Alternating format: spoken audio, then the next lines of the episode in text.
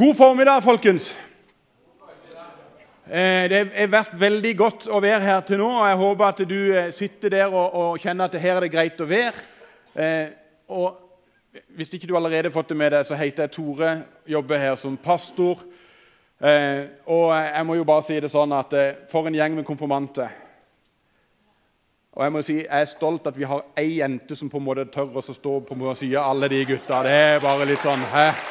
Respekt, respekt for det at eh, Men som du ser, de tar godt vare på folk med, lang hår, med langt hår i denne menigheten. her, Så det skal gå ganske så bra. Eh, I tillegg til å, å jobbe her som, eh, som pastor, så er jeg gift. Eh, nå fikk jeg ikke kontakt med deg, Håvard, men vil du gi meg bitte gang kontakt? Så jeg er gift. Jeg er gift med ei som heter Sissel, og hvis noen skulle være i tvil, så er det meg som står til venstre. Bare sånn at det er, at det er sagt, eh, om det skulle være noe tvil om akkurat det. Eh, det hender av og til når folk er på besøk hos meg, så, så ser de det bildet der, og så spør de du, kona di var hun gift tidligere med en annen. Eh, og Flott dame. Og Grunnen til at jeg, jeg, jeg tar det med, det er, det er rett og slett fordi at eh, jeg kommer til å nevne henne noen ganger i talen. og De som kjenner meg, vet at jeg ofte nevner Syssel. og så tenkte jeg Det var greit at dere fikk liksom sett henne, hvor vanvittig deilig hun faktisk er. Oh, what a lady. Jeg må ikke tenke for mye på det, for da blir jeg ikke ut av talen. Eh, det, som nevnt, dette er litt sånn at Vi har et fokus på, på alfa eh, i dag.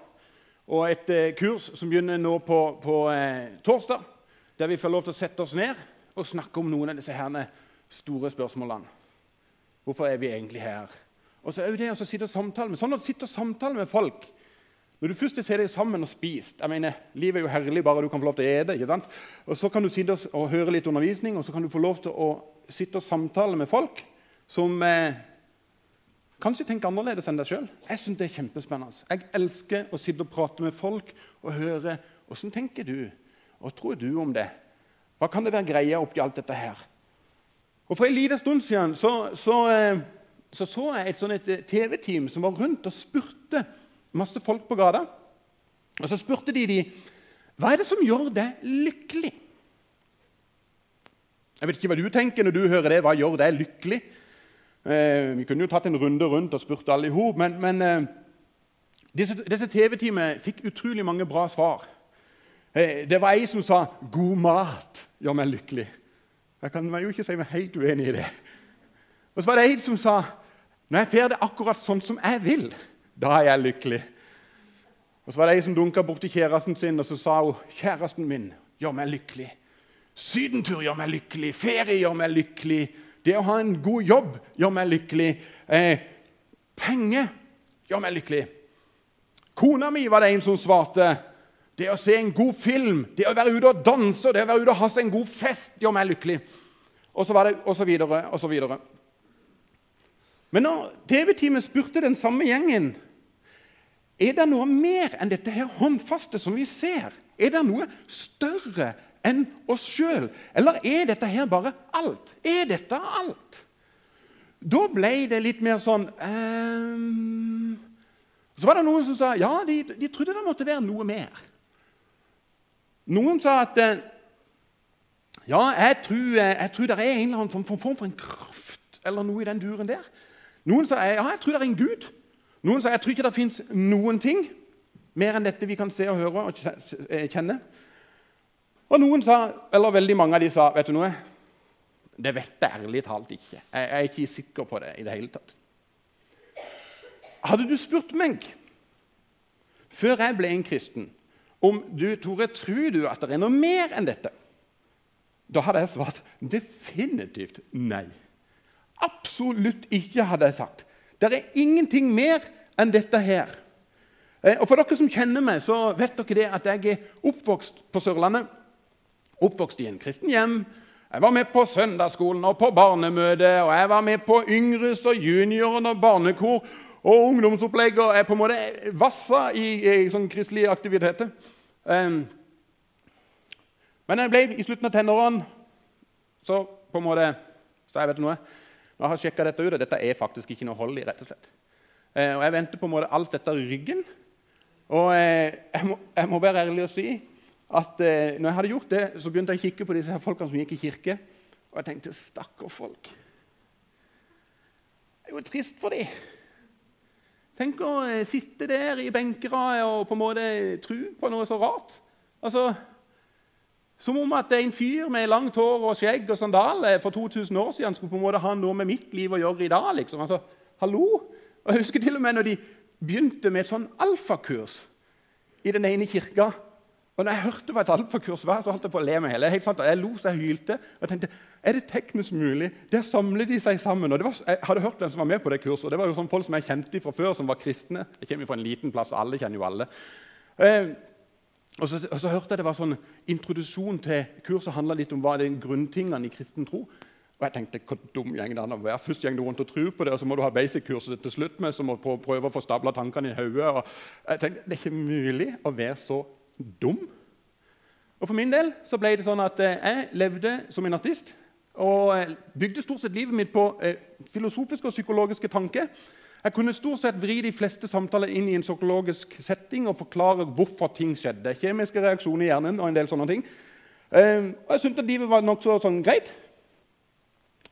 Og jeg hadde aldeles ikke noe behov for å prøve å tenke at en eller annen fyr som bodde i et land mange mil fra Norge, skulle ha noe for meg å gjøre. Eh, men når jeg ser tilbake igjen på mitt liv i den tida der, så ser jeg jo at det var et eller annet som mangla. Et eller annet tomrom. Det var ikke sånn at jeg gikk rundt og tenkte det i den tida. Det må jeg bare ærlig si. Altså, Jeg hadde et fint liv. Ikke, ikke tro ting annet. Men når jeg ser tilbake igjen på livet mitt, så ser jeg jo at jeg stadig vekk strevde med å få fylt et eller annet behov og på en måte få dekka et eller annet tomrom inni meg. Og Jeg hadde et sånn et jag om en del ting. For min del så handla det mye om eh, status, prestasjon og penger. Jeg jobba i næringsliv og ut, jeg tenkte hvis jeg bare får en større posisjon i dette firmaet Hvis jeg bare klarer å oppnå alle budsjettene, og jeg blir firmaets beste selger, da kommer jeg til å kjenne at yes, da er jeg der. Og så klarte jeg det. Jeg fikk en høyere posisjon, større budsjett, klarte budsjettet, ble kjempegod selger og tjente bra med penger. Og var veldig fornøyd. Og så gikk det bare i de der stående, og så var det litt sånn Jeg må ha noe mer enn dette. Og så prøvde jeg på en måte å sette budsjettet enda høyere, og så holdt jeg det gående. Og i, på hjemmebane så ble det jo litt sånn at Jeg syns jo kanskje at eh, kona mi hun kunne jo godt vært litt mer elskverdig. Sånn at hun kunne på en måte dekke mine behov. på en måte. Altså, du, jeg vet, du som har vært gift eller har vært sammen med noen, du vet jo det at stort sett alltid hvis det er noe feil i et forhold, så er det alltid den andre som feil. Alltid. Aldri min feil, iallfall. Eh, jeg tenkte bare, Hvis hun bare skjerper seg, så vil jo allting bli veldig mye bedre. Og jeg hadde tankelykt sånn på om kanskje hvis jeg heller bare bytter henne ut. Finner meg Janne. Da vil på en måte et eller annet tilfredsstille seg behovet. Litt litt sånn at jeg kjente meg, jeg kan se meg igjen nå og si at jeg kjenner meg litt igjen i en tekst som Anne Grete Preus, som akkurat døde for ikke lenge siden. Utrolig dyktig låtskriver og sanger. Eh, en av de beste som vi har hatt her i dette landet. Der hun plutselig skriver i en sang der hun sier det at eh, 'Jeg har alt, men ingenting å ha det i'. Gleden har hull i lomma, kan noen sy det igjen? Jeg prøver på en måte å fylle et eller annet, men det på en måte bare lekker ut. Det blir på en måte aldri fylt. Dette lommene mine. Det er et hull her. Eller som Ole Paus så kjempebra fikk sagt en gang Vi har alt, men det er også alt vi har. Det er en litt sånn sørgelig bunnklang i begge de to tingene der. Og Når jeg ser meg tilbake på mitt liv, så ser jeg det var litt sånn som jeg var.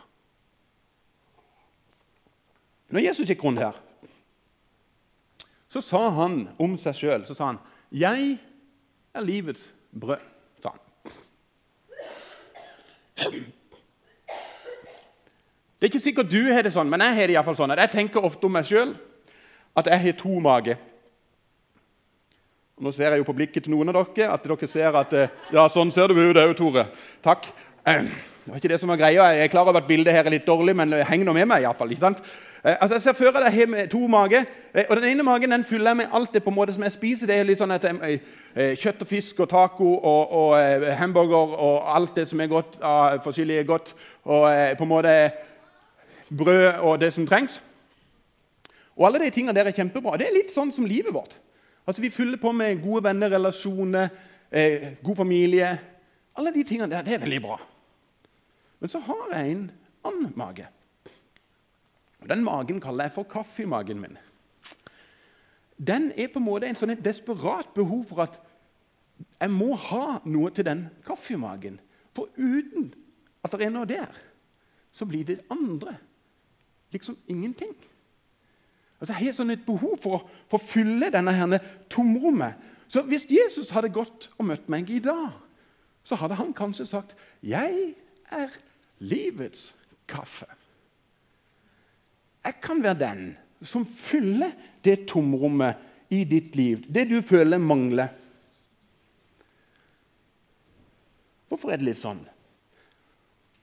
Jesus sa en annen ting om seg sjøl. Han sa det at, han sa det at eh, 'Jeg er veien, sannheten og livet'. Det var En ung dame som flytta til, til, Norge for en tid tilbake siden, og så begynte hun å jobbe med barn. og Plutselig den ene dagen så hører hun at det er full rabalder inne på barnerommet. og Hun stormer inn til det barnerommet, og det hun skal, det hun skal si, det er 'Hva i all verden er det dere holder på med?' Men eh, norsk grammatikk, grammatikk det kan jo være vanskelig for oss som til og med er vokst opp her. Så det kom litt sånn feil ut. Så det hun sa, det var 'Hvorfor er dere her i verden?' Og Egentlig så er det egentlig et litt, sånn godt spørsmål. For inn bak det spørsmålet der så ligger jo alle disse her Hvor kommer jeg fra? Hvor går jeg til? Hvem er jeg? Hva er egentlig meninga med livet? Rett og slett noen av livets store spørsmål som mennesker opp gjennom alle tider har prøvd å funne svaret på. Det veldig mange har prøvd å satse på for å finne ut om dette kan være det rette tingen, det er penger, økonomisk vekst, på en måte. Vi som sitter her inne på oljelandet Norge, vi må jo si oss kanskje litt enig. For er det ikke litt sånn? Nå skal du slippe å rekke opp hånda, men jeg kjenner meg i fall litt igjen i dette. at Jeg skulle gjerne hatt litt mer penger. Så skulle jeg hatt litt finere bil finere hus. Og litt finere kjøkken. Og litt finere Nei, ikke finere kone. Det kan jeg ikke ha. Men litt, litt mer. De spurte en gang verdens rikeste mann hvor mye mer trenger du? Og da svarte han bare litt til. Bare litt til. En av mine favorittartister er dessverre død. Freddie Murphy, vokalisten i Queen. Jeg har langt hår av en grunn. Jeg syns sånn musikk er veldig gøy. Um, vi skal ikke synge de nå, men han har noen bra. And we are the champions. Ja. Men eh, Han fikk et gang et intervju, et, et, bare ble intervjua, og da fikk han et spørsmål, og så svarte han dette her. Du kan ha alt i verden og fortsatt være den mest ensomme mann. Suksess har gitt meg verdensberømmelse og millioner av kroner. Men det har forhindret meg fra den ene tingen vi alle trenger. Et kjærlig og vedvarende forhold. Et kjærlig og vedvarende forhold. Vet du noe? Jeg tror det er sant. Alle mennesker trenger kjærlig og et vedvarende forhold. Problemet er bare det at i våre mellommenneskelige relasjoner så vil aldri det komme til sitt fulle. Det er egentlig bare én som kan fylle et vedvarende forhold, og det er Gud. Gud som er konstant kjærlig og evig. Vi er her en kort periode, men han varer en evighet. Et evighetsforhold. Da var nokså ung, så tror jeg det var en lærer som fikk min mor til å sende meg til en optiker for å få meg briller. Og Jeg kan huske at jeg tenkte det har jo jeg ikke behov for, jeg ser jo veldig bra. Jeg ser bra, jeg ser bra ut. tok litt tid før noen tok den der bak og strekka, men flott, dere henger med. Eh, og eh, eh, Det rare er at jeg kom til den optikeren, de sjekka synet mitt, og etter en liten stund så, så, kom jeg inn til optikeren, og så Ja, jeg vet jeg ser rar ut uten briller. jeg vet Det ja.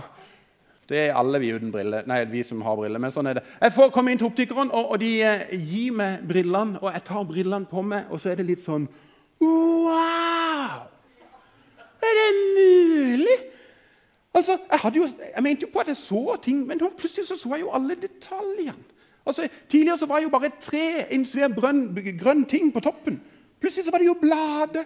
Jeg kunne jo se at det var forskjell på bladene. Det var ikke mest bare grønne trær. Det var jo bjørketre og blokk, ja, forskjellige trær. De som kjenner meg, vet at jeg har veldig grønne fingre. Nå er jeg på gyngerens grunn. Men det er jo sånn at hvis jeg tar av meg brillene, så ser jo jeg at her er det folk. Men jeg vet jo ikke hvem som er her lenger. Men med briller så ser jeg alt helt tydelig. Og for meg så er Jesus sånn. Jeg skal forklare det. En som heter C.S. Lewis, han som lagde eh, bøkene om Narnia, han sa dette. Jeg tror på kristendommen slik jeg tror at solen har stått opp. Ikke bare fordi jeg kan se solen, men på grunn av den ser jeg alt annet. På grunn av briller så ser jeg det andre. Altså, Jesus blir som sagt som en, noen briller for meg. At gjennom han, gjennom Jesus, så kan jeg se Gud. Og Derfor så sier Jesus, 'Jeg er veien'. Det er meg som er veien til Gud. Og så sier han videre, 'Jeg er sannheten'. Nå er det kanskje noen av dere her inne som tenker Tore, det er jo flott for deg at du tror på dette. Eh, det er godt at du har på en måte funnet litt sånn mening oppi dette her opplegget. her. Men eh, for meg så er ikke dette noe greie. Altså, jeg, jeg, kan ikke tro på sånne rare ting. Eh, langhåra menn i sandaler, det er vi som ikke greier de. Men så. Og jeg kan jo på en sett måte forstå tanken. Samtidig så er det en liten ting som er litt sånn leit med den tanken. der. Og det er dette her at eh, hvis kristendommen er sann, så er den av avgjørende betydning for alle mennesker. Og hvis kristendommen ikke er sann, så er vi som er kristne, blitt ført bak lyset, og det ville jo vært dumt for oss.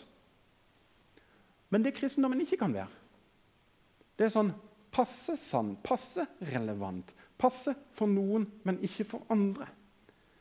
Enten så må det være sånn at jeg ser alt gjennom de linsene der, eller så ser jeg på en måte kanskje ingenting. Spørsmålet blir jo Hvis han sier at jeg er sannheten, fins det ærlig talt noe bevis? Jeg er litt sånn at jeg vil ha bevis. Jeg vil ha det litt håndfast. Du pakker ikke ting på meg før jeg har på, på måte fått sjekka det. Jeg er til og med sånn Når jeg skal kjøpe ting, så er det litt sånn at jeg sjekker alle tingene. For å se om det er denne tingen jeg skal kjøpe. Så jeg får jo aldri kjøpt den tingen, for jeg skal jo sjekke alle de andre tingene. Det tok jo et halvt år å få kjøpt hus her i Porsgrunn. Jeg skulle sjekke alle andre hus før jeg med det, kanskje det. Men vet du noe? Fins det bevis? Og Dette er litt dårlig gjort, det jeg gjør nå. Men det skal jeg ikke svare på akkurat nå. For vi skal snakke om det på alfakurset. For der ligger ganske mange store og tunge bevis. Faktisk så er ikke kristen tro en blind tro. Det er en ganske så seende tro. Men for ikke å være veldig dårlig gjort med dere, så skal jeg si noen ting om akkurat dette her. Et av de avgjørende punktene for at jeg valgte å gå tilbake igjen til Jesus, var at jeg begynte å se etter bevis. Og Så la jeg merke til en litt sånn snedig ting. og det er det at Når det stender det at Jesus er sannhet, så er på sannhet på hebraisk, på morsmålet som de snakker jødene, så har sannhet en sånn tosides sak. Det er noe de kaller for hodekunnskap. Og så er det noe i det som handler om hjertekunnskap eller hjertekjennskap.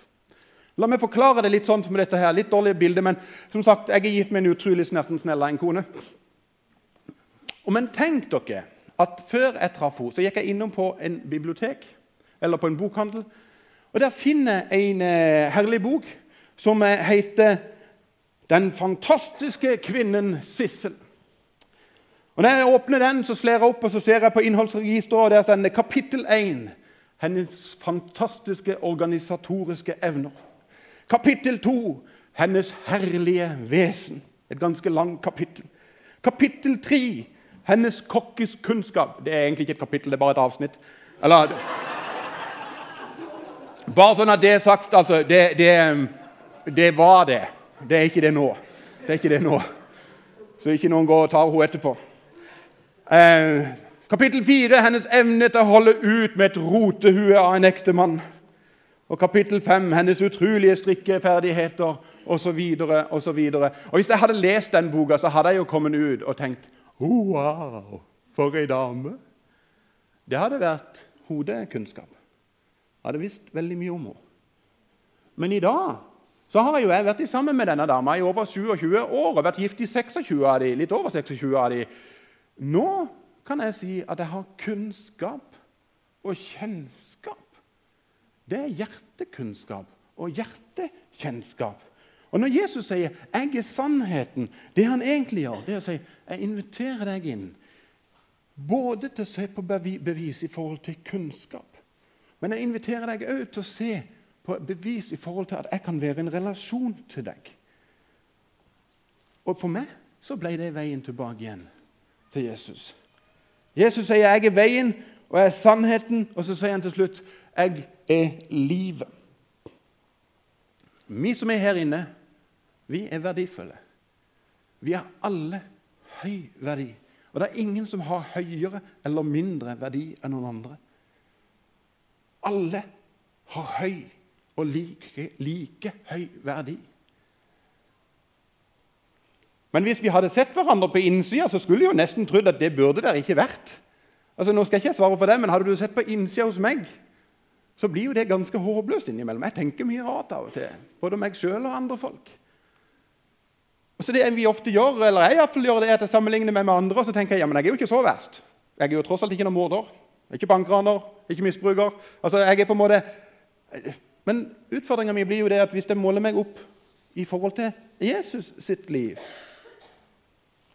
Det trenger ikke du å svare, men jeg vet iallfall for min del da kommer jeg kålsvart ut.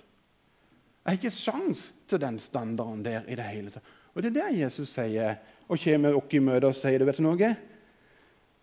Jeg ser at det er svart og dårlig, men jeg er bra.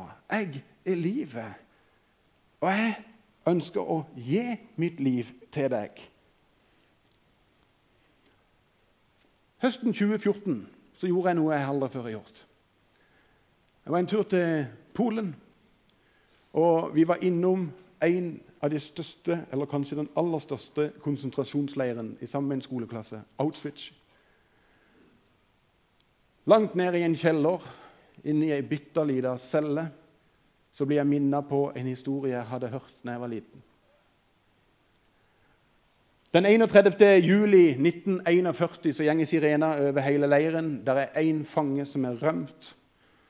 Og De tyske soldatene får hele leiren til å stille opp i rekke. Og For å eh, gjøre en markering at det ikke er mulig å rømme fra denne leiren, her, så sier de det at eh, vi skal ha ut ti stykk for den ene, og alle dere ti skal lide død. Og Måten det skal skje på, er at vi kommer til å stappe dere inn i ei lita celle, og der skal dere være til dere sulter i hjel. Så de bare begynner å plukke ut helt vilkårlige folk. En av de de plukker ut, en mann som heter Franciscis, som blir desperat når de tar ham. Og hyler ut og sier, 'Vær så grei. Jeg har kone, jeg har barn. Spar meg.' Da skjer noe som kun skjedde én gang gjennom alle de håpløse årene i den leiren. Da kommer det plutselig én mann fram, og så sier han, 'Jeg vil gjerne ta denne mannens plass.'